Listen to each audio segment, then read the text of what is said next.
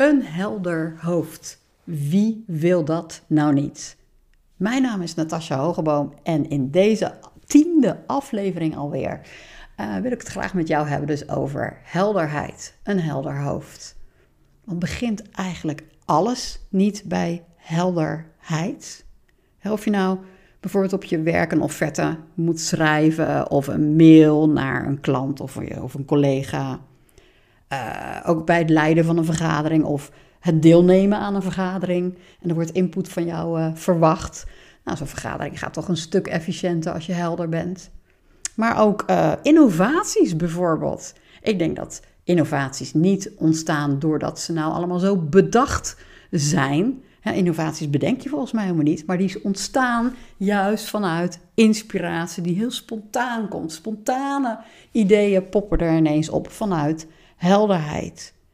En ook als je beslissingen bijvoorbeeld op je werk moet uh, nemen, dan is helderheid toch ook wel heel erg behulpzaam. Hè? Of uh, nou, ga ik nou wel of niet meedoen aan die ene grote aanbesteding? Uh, moet ik die medewerker nou wel of niet ontslaan?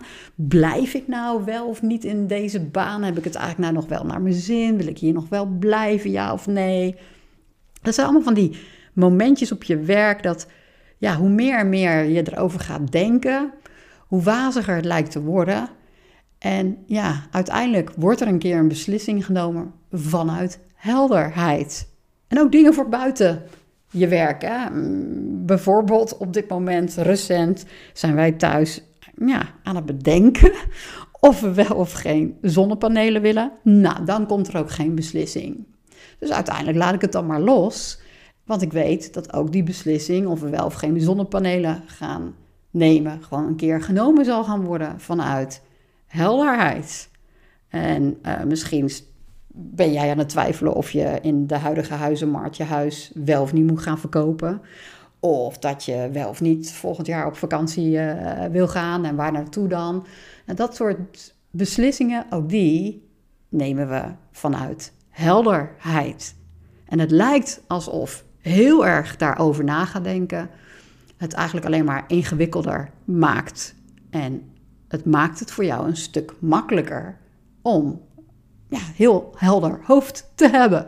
En ik moest daar dus vanochtend ook weer aan denken toen ik in de auto stapte. Toen moest ik eigenlijk denken aan een blogje wat ik eerder geschreven heb. Je vindt hem ook op mijn website natasjahogeboom.nl onder de titel, ik denk, glashelder. Glashelder.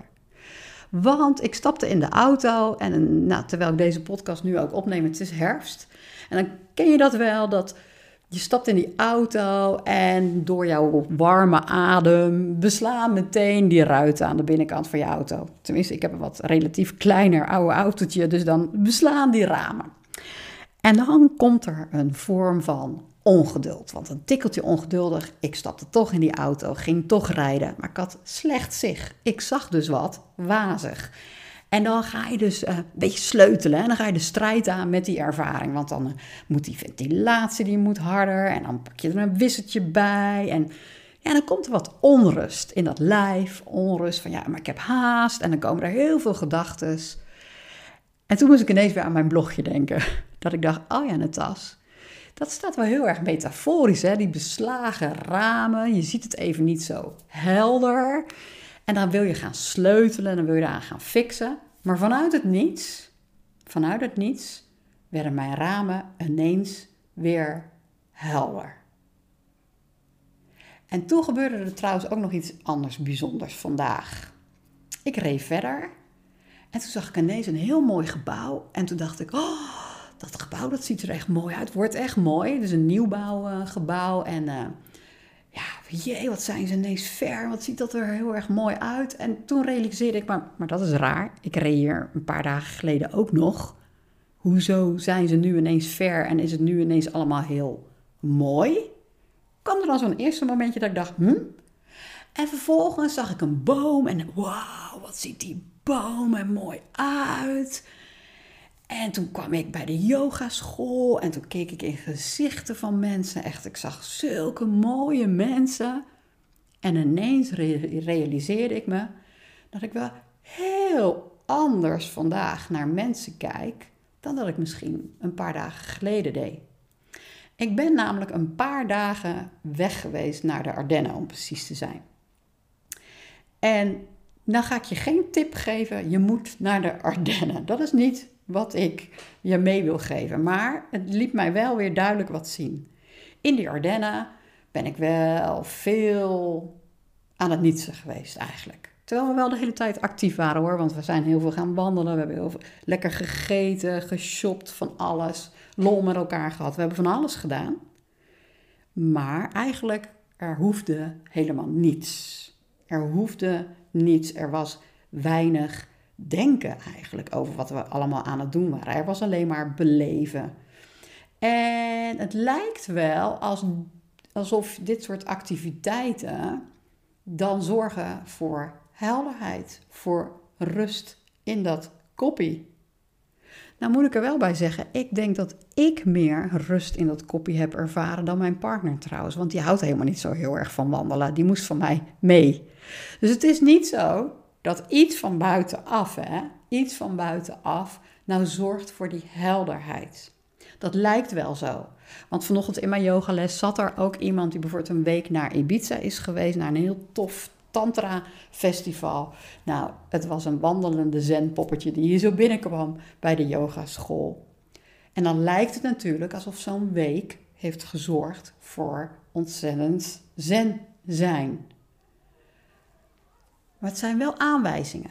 Het is niet die vakantie, want het kan best zijn dat jij van die Ibiza alleen maar juist heel erg onrustig wordt. Of dat je denkt wandelen eh, in de Ardennen, vreselijk. Of dat jij helemaal niet van gebouwen houdt. Er zit iets tussen. En dat is interessant. Er zit iets tussen. Het is het denken. Eh, ik voel echt dat er op dit moment bij mij gewoon veel minder denken is. Er is denken gedaald, als het ware. En dan is er meer helderheid. En dat komt dus niet van buitenaf. En ik snap dat het wel zo lijkt. Ik snap heel goed dat het wel zo lijkt. Maar het is, ik kijk er eigenlijk vandaan. Dat, zo voelt het voor mij veel meer. Ik kijk altijd al met een heldere, vanuit die helderheid. Ik kijk altijd al vanuit die helderheid. Maar soms is het gewoon een chaos voor mijn gezicht, vol met denken en gedachten. En zodra die gedachten een beetje beginnen te dalen, is er weer ruimte voor helderheid. En dat dalen, dat heb ik niet gedaan door eraan te gaan lopen sleutelen, door daarmee te gaan lopen spelen. Niet zoals ik vanochtend even de neiging had, dus in mijn auto, toen het, mijn ramen nog wel beslagen waren. Nee, uiteindelijk werden die ramen vanzelf weer helder. Uiteindelijk werd het in mijn kopie ook weer vanzelf helder. En daar had ik de Ardennen echt niet voor nodig. En ik hoor jou bij wijze van spreken nu denken, ja, zeker als je nu onrust ervaart. Hè? Dus stel je moet een beslissing nemen of je staat aan de vooravond van uh, een grote tender om die in te dienen. Of uh, nou, wil ik nou wel of niet in die baan blijven? Dan kan dat allemaal onrust geven. Kan dat enorme onrust geven. En dan vind ik het een hele logische vraag dat je dan denkt: ja, maar hoe kom ik dan ook aan, naar die helderheid? Zonder dat ik dan even naar de Ardennen of naar Ibiza ga. En voor mij zie ik steeds meer, ik hoef maar één ding te zien. En dat is zien hoe nou eigenlijk het systeem werkt. Sydney Banks die heeft het een jaar of vijftig geleden zo prachtig beschreven in de drie principes. En waarom vind ik het prachtig? Omdat een principe is iets waar we niets voor hoeven te doen. Het is een soort wetmatigheid. We hoeven er niets voor te doen. Ook als je het niet kent, is het principe van toepassing. Hij heeft het uiteindelijk beschreven in drie principes. Maar toen hij net het inzicht kreeg hoe het systeem eigenlijk werkte, of die systeem van hoe onze menselijke ervaring nou eigenlijk gecreëerd worden, had hij het helemaal nog niet nog eens zo heel erg over drie principes. Hij zag gewoon heel helder dat er leven is wat beleefd wil worden via het denken. Dus het denken ziet hij ook veel meer als een tool. Hij gebruikt echt het woord tool in zijn boeken. Zeker in zijn eerste boeken heeft hij het echt over dat volt, het denken, een tool is. Hij heeft het ook over een gift, hè, dat het een cadeau is. Het is een cadeau wat we hebben gekregen om te kunnen beleven. Dus het is eigenlijk super cool. Ja, dus als je op vakantie gaat naar de Ardennen of naar Ibiza, of je blijft gewoon lekker thuis, dat kun je alleen maar beleven doordat er denken is. Maar ook jouw werk kun je alleen maar beleven doordat er denken is. En daarmee legt hij alleen maar uit hoe het systeem werkt. Hè? Dus hij geeft jou niet de schuld van het feit dat jij nou eenmaal negatief denkt, misschien wel over jouw werk. Of dat jij nu heel erg onrustig bent. Want wees eerlijk, er is denken. Er is denken. Jij bent niet de denker, terwijl we dat ook heel vaak denken. Jij bent niet schuldig aan de gedachten die je hebt. Je hebt gedachten, je bent ze niet, hè?